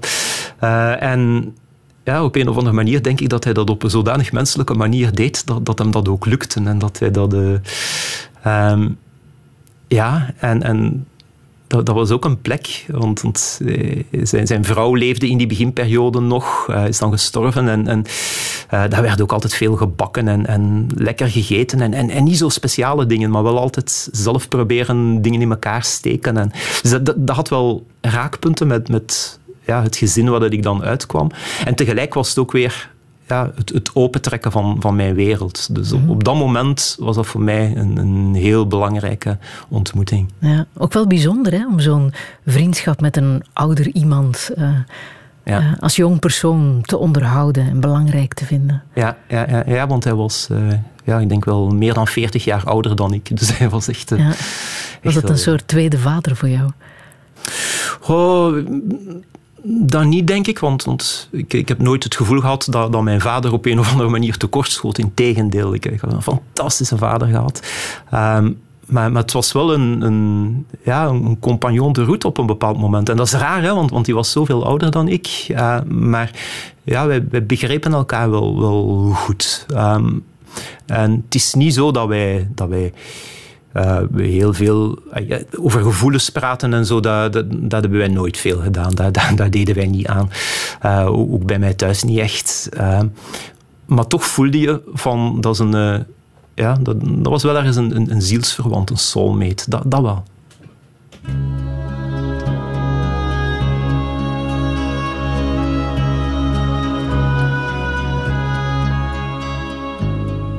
Ik ben misschien te laat geboren. Of in een land met ander licht. Ik voel me altijd wat verloren, al toont de spiegel mijn gezicht. Ik ken de kroegen, kathedralen. Van Amsterdam tot aan Maastricht. Toch zal ik elke dag verdwalen, dat houdt de zaak in evenwicht. Laat me, laat me, laat me mijn eigen hand behouden. Laat me, laat me, ik heb het altijd zo gedaan. Ik zal mijn vrienden niet vergeten. Want wie me lief is, blijft me lief. En waar ze wonen, moest ik weten, maar ik verloor hun laatste brief. Ik zal ze heus nog wel ontmoeten. Misschien vandaag, misschien over een jaar. Ik zal ze kussen en begroeten, het komt vanzelf weer voor elkaar.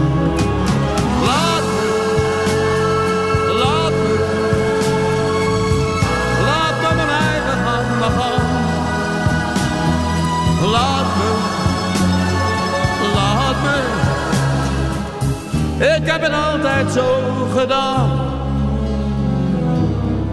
Ik ben gelukkig niet verankerd. Soms woon ik hier, soms leef ik daar. Ik heb mijn leven niet verkankerd.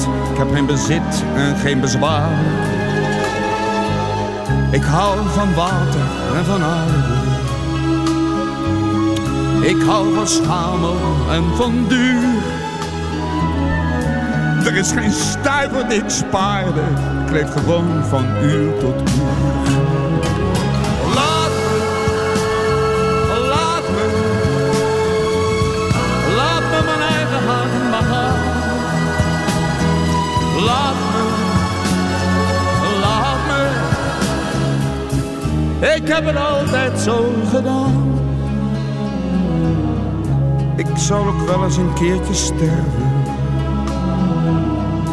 Daar kom ik echt niet onderuit. Ik laat mijn liedjes dan maar zwerven en verder zoek je er maar uit. Voorlopig blijf ik nog jou zingen. Jouw zwarte schaap, jouw trouwe fan. Ik blijf nog lang en liefst nog langer. En laat me blijven wie ik ben.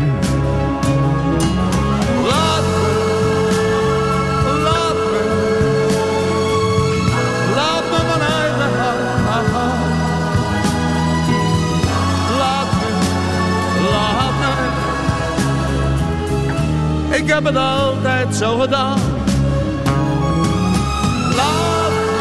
Ramses Shaffi met het prachtige Laat me, Hendrik Vos. Hoeveel waarheid zit er in dit nummer voor jou? Veel, hè. ja, tuurlijk. Je Eh, kijkt even verbaasd, nee, ja, maar ja, toch ja, wel. ik- ik, ja.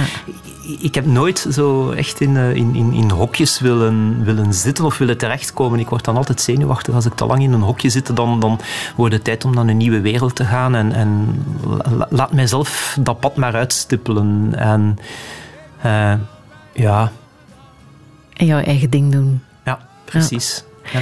Zit er ook veel waarheid in de beginregels van De Renner? Ja. Het autobiografische boek van eh, eh, Tim Krabbe, een cultboek hè, uit 1978. Wil je die eerste regels eens lezen? Ik ga ze lezen. Merwes Lozère, 26 juni 1977. Warm, bewolkt weer.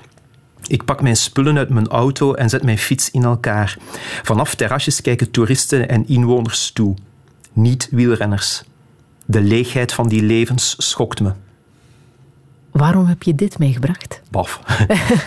Ja? Ja, nee, ik, eh, ik snap het helemaal. Ik heb eh, heel fanatiek en met, met heel veel eh, overtuiging en met alles wat ik in mij had geprobeerd om, eh, enfin, niet alleen geprobeerd, ik, ik heb echt uh, heel veel gefietst en, en aan wielrennen gedaan, uh, met fanatieke trainingsschema's die ik uh, inspireerde op de boeken van Paul van den Bos. En ik, ja, ik ben echt wel op, op alle vlakken geprobeerd om te kijken wat er in mijn lichaam zat en wat ik daar als renner kon uithalen. Ik was al vrij oud toen ik er echt mee begon. Ja, hoe oud was je?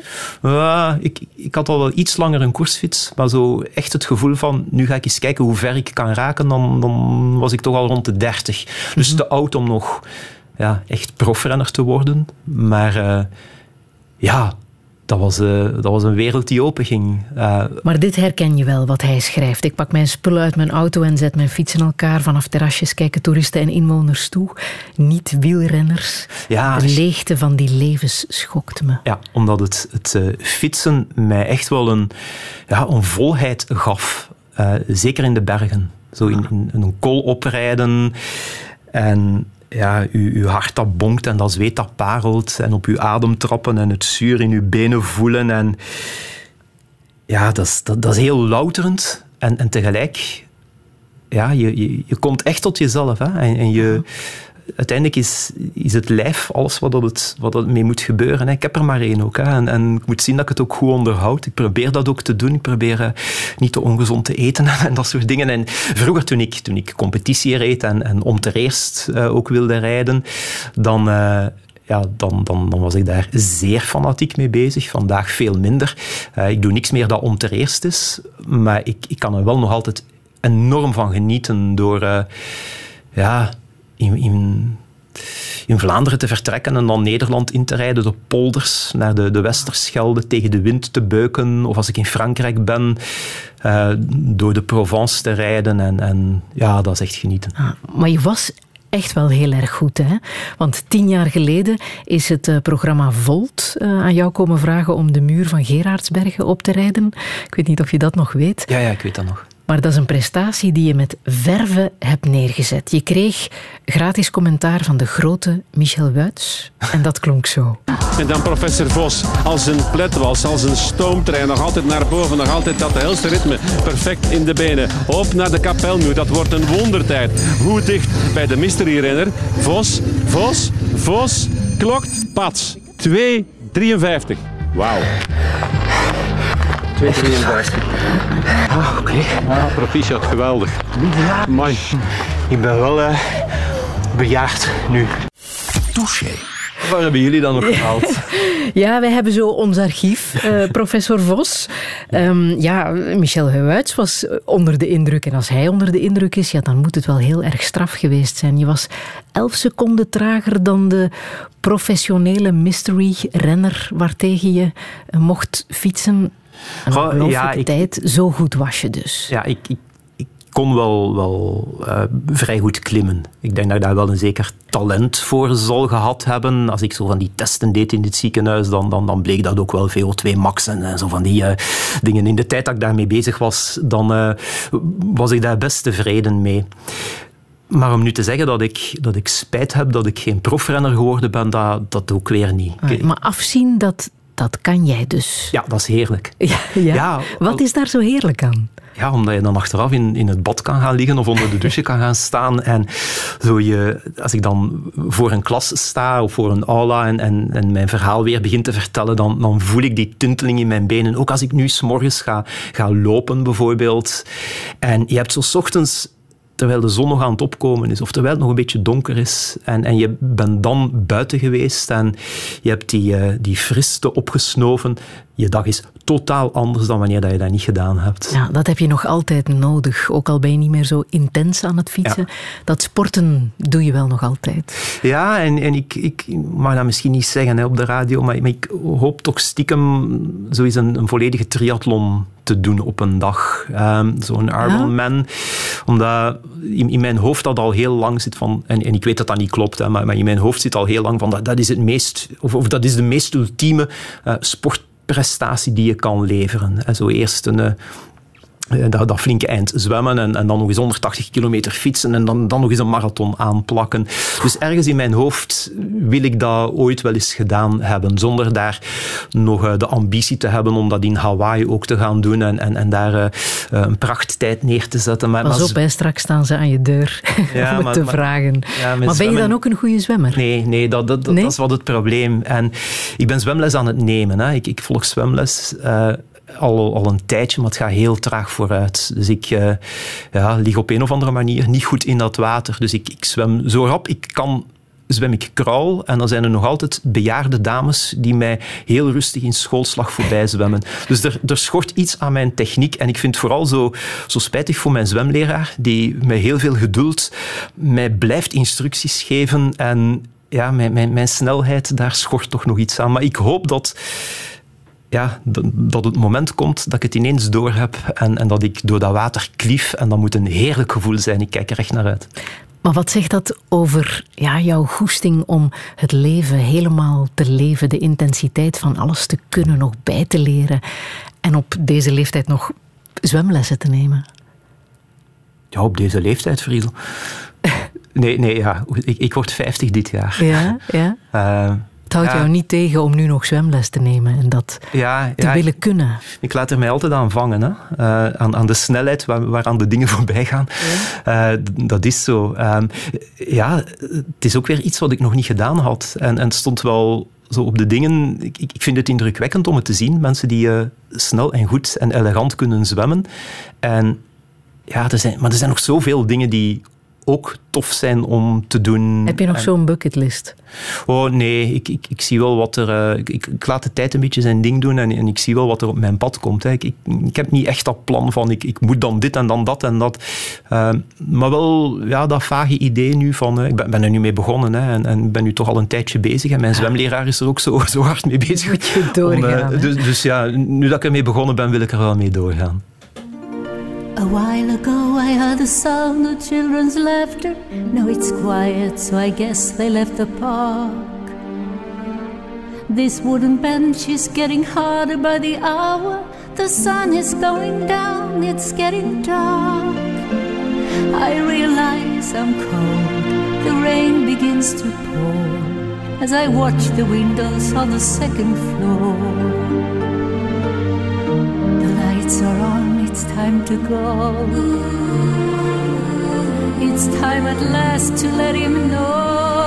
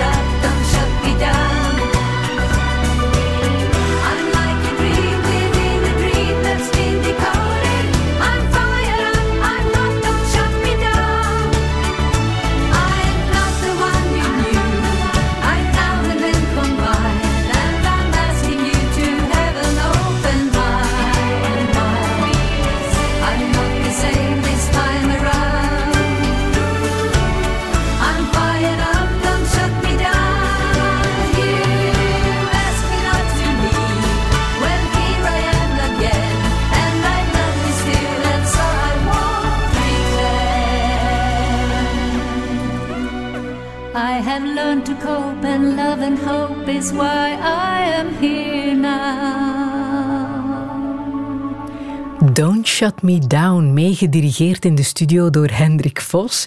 Je hebt zo net alle ABBA-fans gelukkig gemaakt, Hendrik. Ja, maar dat is zo hoopvol ook, hè? Ja? Ja, zo... Ja, ABBA maakt mij altijd instant vrolijk, denk ik.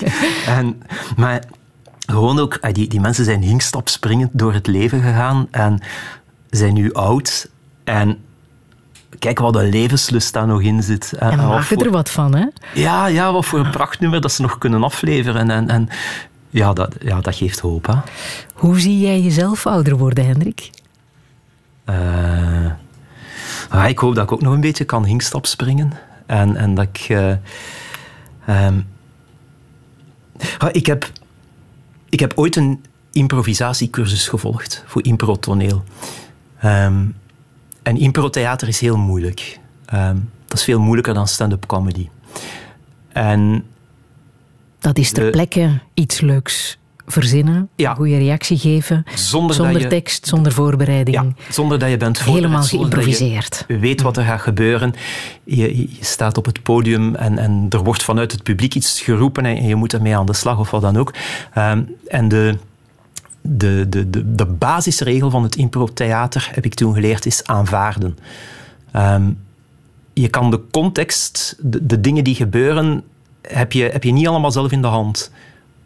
Er wordt jou iets toegeworpen en dan, ja, dan moet je ermee aan de slag gaan. En ik, ik zal wel zien de volgende jaren wat er op mijn pad komt en wat er wordt toegeworpen en waar dat eventueel nectar ligt om nog eens aan te gaan slurpen. En dan, ja, dan, dan, dan ga ik wel proberen om er nog wat van te maken. Ja. Absoluut, ik heb er heel veel zin nog in.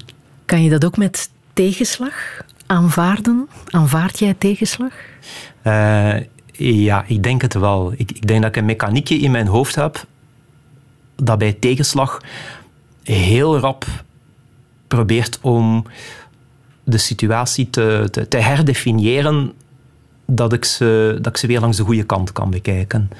Ja, dat, is, dat, dat is een dom voorbeeld, hè, maar, maar ik, ik was een, een tijd geleden, of het was in de zomer, dus het is al een paar maanden geleden, eh, liep ik eh, buiten met een ijsje. En ik, ik had er ontzettend veel zin in. Dat, dat was ook heel lekker. Eh, Ja? En, en, en zo'n horentje. En of, wat er gebeurde maakt niet uit, maar in elk geval, het horentje viel uit mijn hand en lag op de grond. En ik kon er niet meer van likken.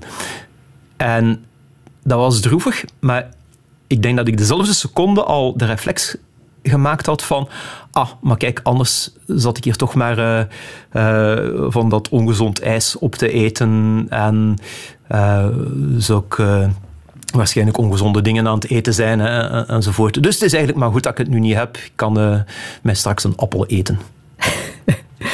Dat is een ongelooflijke mechaniek als dat in jouw hoofd zit, als je dat hebt. Meestal werkt dat, ja. Ja, ja. Ja, ik, ik heb daar zelf denk ik weinig verdiensten aan, maar, maar het, het lukt mij over het algemeen vrij goed om zo tegenvallers als eh, ja, uiteindelijk daar het, het positieve toch te kunnen inzien. Zo, het, het, het glas is, eh, ik denk dat ik dat van mijn vader heb, het, het glas is voor mij toch eerder half vol dan, dan half leeg. Daar moeten we het ook nog over hebben. Hè? Ehm, Hendrik, geloof jij in mirakels? Eh, ik weet waar dat je naartoe wil. Ehm, We mogen blij zijn dat jij hier nog zit. Laten we dat even duidelijk stellen. Voor hetzelfde geld was je er niet meer. Hè? ja, ik heb eh, een paar maanden geleden een, eh, een heel zwaar auto-ongeval gehad. Mag ik dat laten horen, dat auto-ongeval? Ik zal dat even laten horen. Door een ongeval op de E17 van Gent naar Antwerpen is in Waasmunster enkel de rechterrijstrook vrij. U staat er een kwartier in de file. Touché.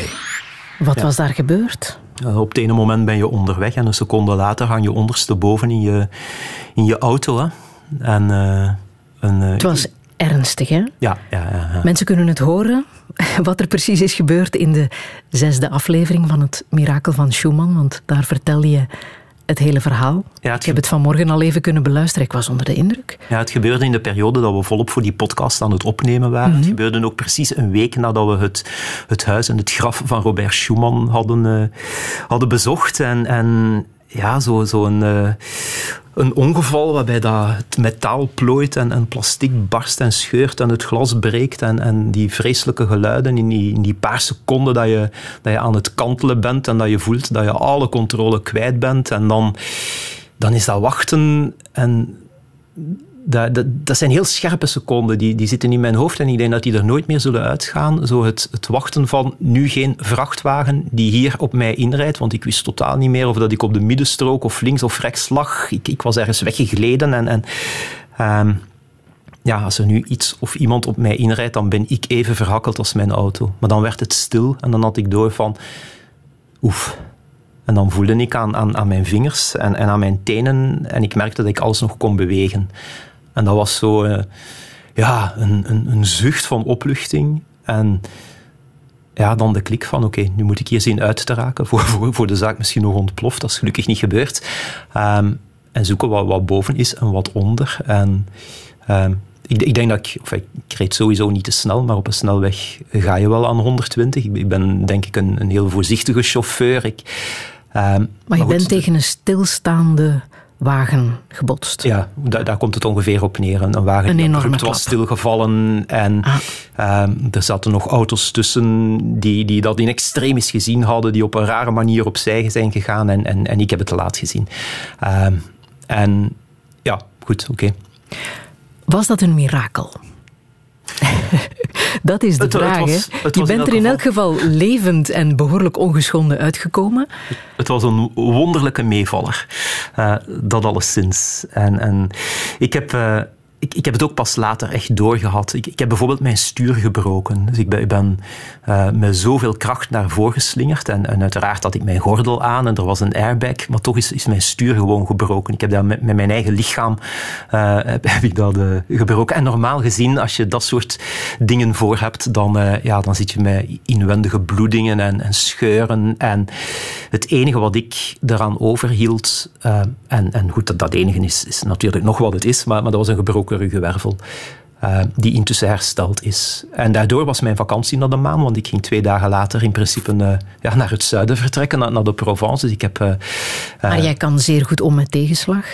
Ja, dus, dus ik heb ik uh, hoop dat je dat hebt omgezet in iets positiefs. Ik heb uh, de hele zomer, in de, of toch een groot stuk, ik, ik, mocht dan wel vrij snel kleine wandelingetjes maken en voor de rest lag ik in de zetel en ik heb heel veel van de Olympische Spelen gezien. Ah, Sporten voilà. waar, ik, ja, waar ik anders nooit naar zou kijken, zo synchroon duiken en uh, kajakken en, en boogschieten enzovoort. En ja, dat, dat, dat, was heel rustig allemaal. De meeste mensen dachten ook dat ik in Frankrijk was. Dus er was niemand die op bezoek kwam.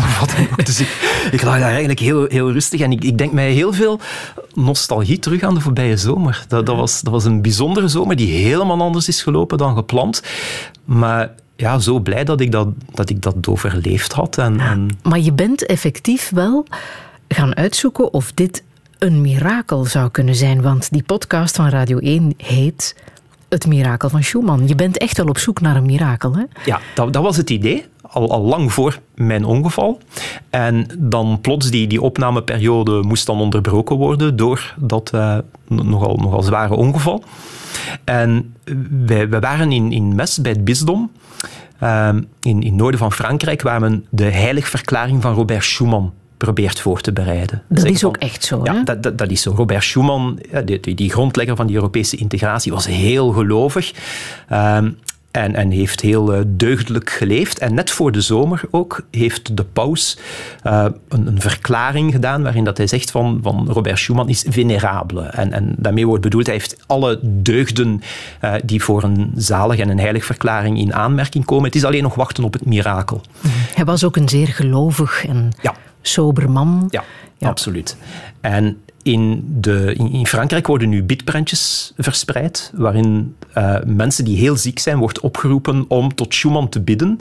En als iemand dan wonderbaarlijk geneest, zal dat tellen als het mirakel. Want, heeft de paus gezegd, hij mag het mirakel ook vanuit de hemel uh, verrichten.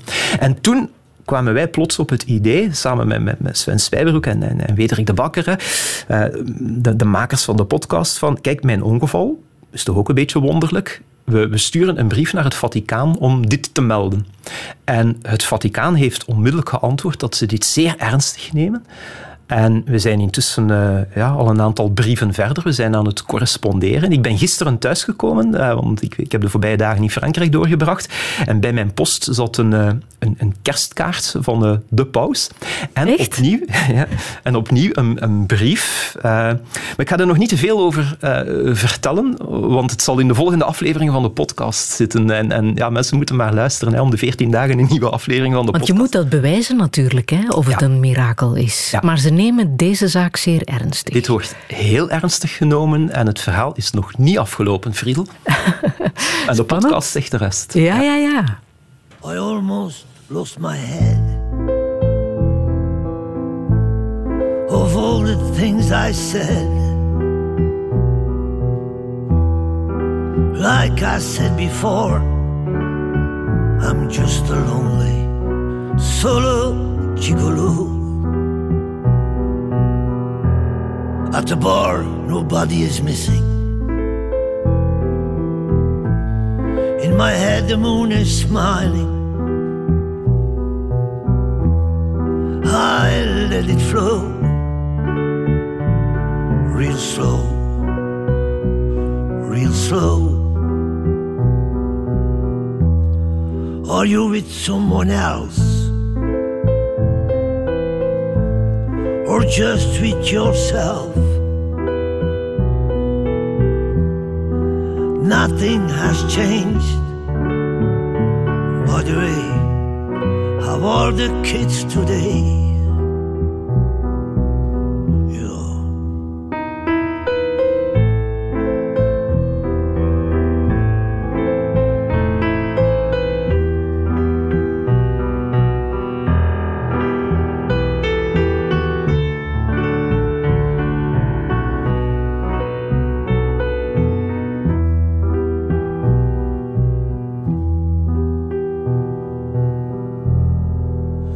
Don't you worry about me. There's a crack in everything. That's how the light,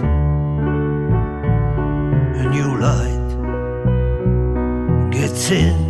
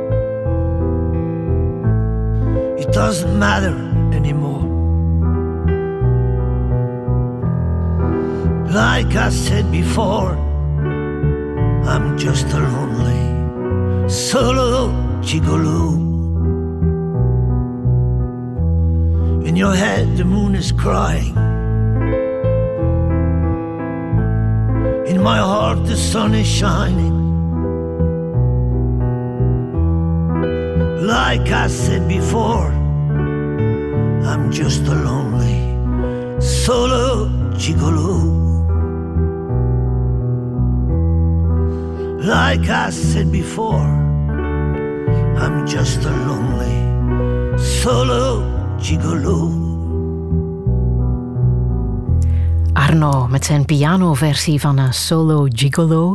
Woensdag speelt hij zijn exclusieve Radio 1-sessie. De zaal zit vol natuurlijk. Het is maar een klein publiekje, maar je kan het allemaal volgen op eh, de app van Radio 1. Hendrik Vos, ik denk dat jij ook gaat kijken waarschijnlijk. Ja, ja, dat zit er dik in. Ja. Schoon, hè? Ja. Van Abba naar Arno. Het is, het is een andere wereld, maar het blijft wel bij de A. Maar En zit er ook iets van een solo gigolo in jou? nee, nee, nee, nee. Ehm, nee, maar je... Kijk, bij Arno, je, je, je voelt dat het, dat het einde nadert. Hè? En dat er toch nog heel veel moois in zit, maar het bijten van de jaren is er wel. Hè? Mhm. Dat is iets wat, wat ik wel... ehm, ik, ik ben banger voor, voor het bijten van de jaren dan voor het, het accident of het ongeval dat hier eh, straks, als ik, als ik hier buiten kom en het Meizerplein oversteek, mij zou kunnen overkomen. Ehm, en ja, ik vind, vind in, in dit nummer van Arno dat dat het uh, voorbijglijden van de tijd wel, wel ja. heel hard in zit. Ja.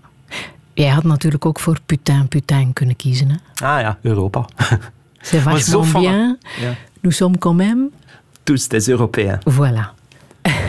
maar?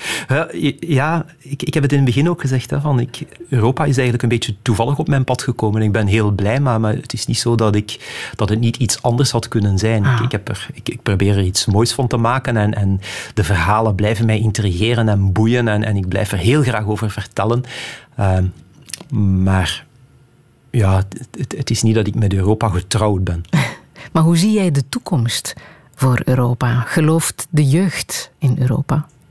Voor de jeugd wordt, wordt Europa gewoon veel meer vanzelfsprekend. Wie, mijn studenten nu die hebben nooit iets anders geweten dan de euro bijvoorbeeld. Zo, als je nu begint te spreken over terugkeer naar Belgische frank, die, die, die denken dat je van, van een andere planeet komt of, of, of uit een ruimtestation of iets dergelijks.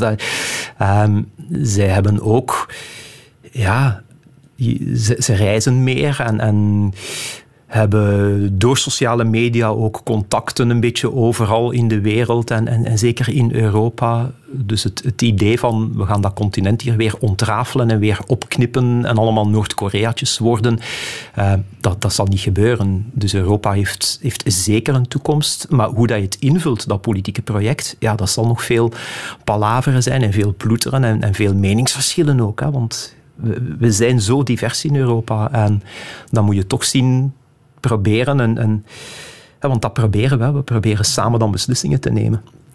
Jouw carrière is zeker nog niet uh, afgelopen. Hè? Zolang Europa nog voor veel stof uh, zorgt, kan jij verder natuurlijk. Deze zomer word je 50? Uh, ja, volgende zomer. Ja. ja. Wat ga je daarmee doen? Um, ik, ben, ik ben niet zo'n grote verjaardagsvierder.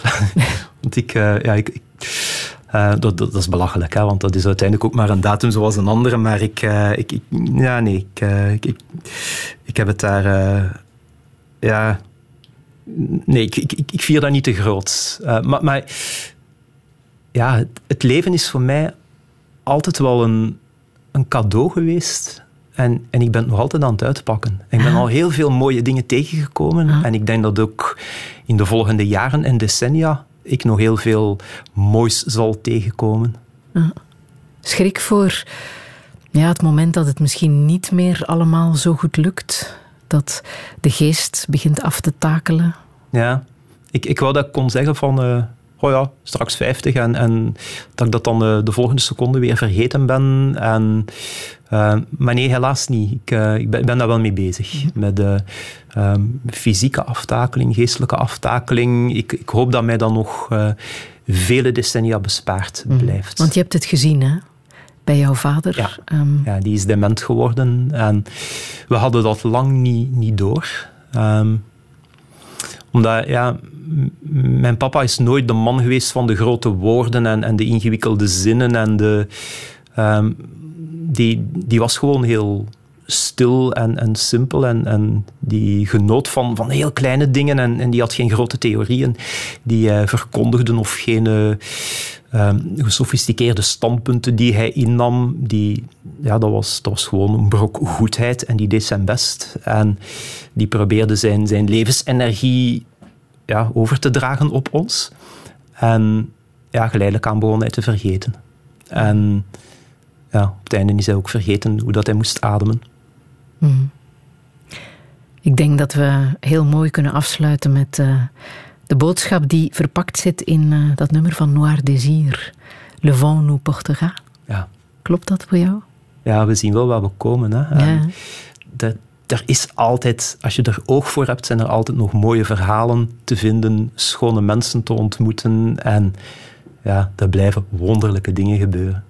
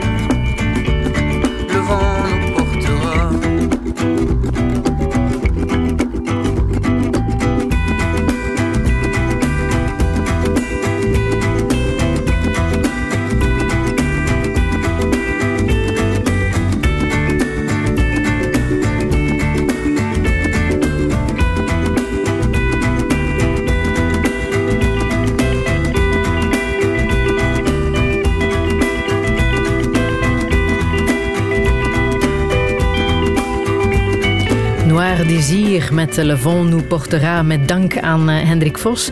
Alle info, ook over de podcast Het Mirakel van Schumann, kan je terugvinden op onze website radio1.be. Zeker eens gaan kijken, want daar kan je trouwens ook het boek Dit is Europa winnen. Radio 1.